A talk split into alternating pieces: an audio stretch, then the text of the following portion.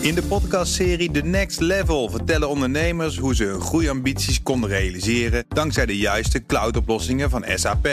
Wat waren de uitdagingen, de oplossingen en hoe ging de uiteindelijke implementatie? Benieuwd naar hun verhalen en hoe zij met behulp van SAP ook hun toekomstige ambities kunnen behalen? Luister de podcast The Next Level via de BNR-app of je favoriete podcast-app.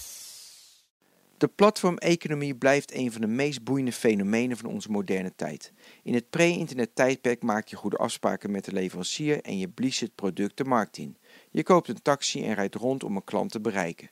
Een taxibedrijf kon een slechte service bieden, beschermd door wetten en regelgeving.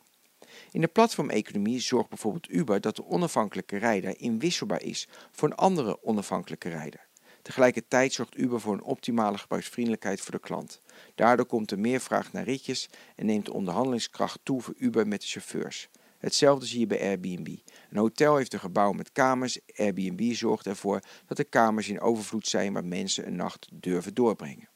Vervolgens zorgen ze voor een optimale gebruiksvriendelijkheid voor de reiziger. Een bezorgservice, je modaliseert de fietscourier, want ze zijn uitwisselbaar en je optimaliseert de gebruiksvriendelijkheid naar de eindklant. Deze week maakte Uber bekend naar de beurs te gaan. De cowboy-activiteiten die ze ontplooien door regelgeving te ondermijnen of door chauffeurs een minimale vergoeding te geven, zullen wederom onder een vergrootglas komen te liggen. De discussie betreft vooral de positie van personen of goederen die voor het aanbod zorgen. Eindklanten vinden louter voordeel bij de platformeconomie. Uitbuiting ligt op de loer, zeggen de antagonisten. De chauffeur die voor een paar euro door de stad krost, levert problemen op. De chauffeur verdient te weinig. Bovendien zorgt hij voor onveiligheid in het verkeer vanwege lange werktijden en hij zou meer onervaren zijn. Hetzelfde zie je bij de onverzekerde fietscouriers die geen pensioen opbouwen en bij alle andere ZZP'ers die werken via deelplatformen. Ze moeten worden beschermd. En ik heb daar mijn twijfels over. Ik denk dat de veiligheid van huis, haard en omgeving beschermd moet worden. Ik denk dat een minimumvergoeding geen kwaad kan voor alle werkenden die zich laten inhuren via een platform. Maar je moet de chauffeur, courier, standbouwer, barman of promotiemedewerker niet betuttelen. Dat vele werken zonder verzekering of pensioen is niet handig.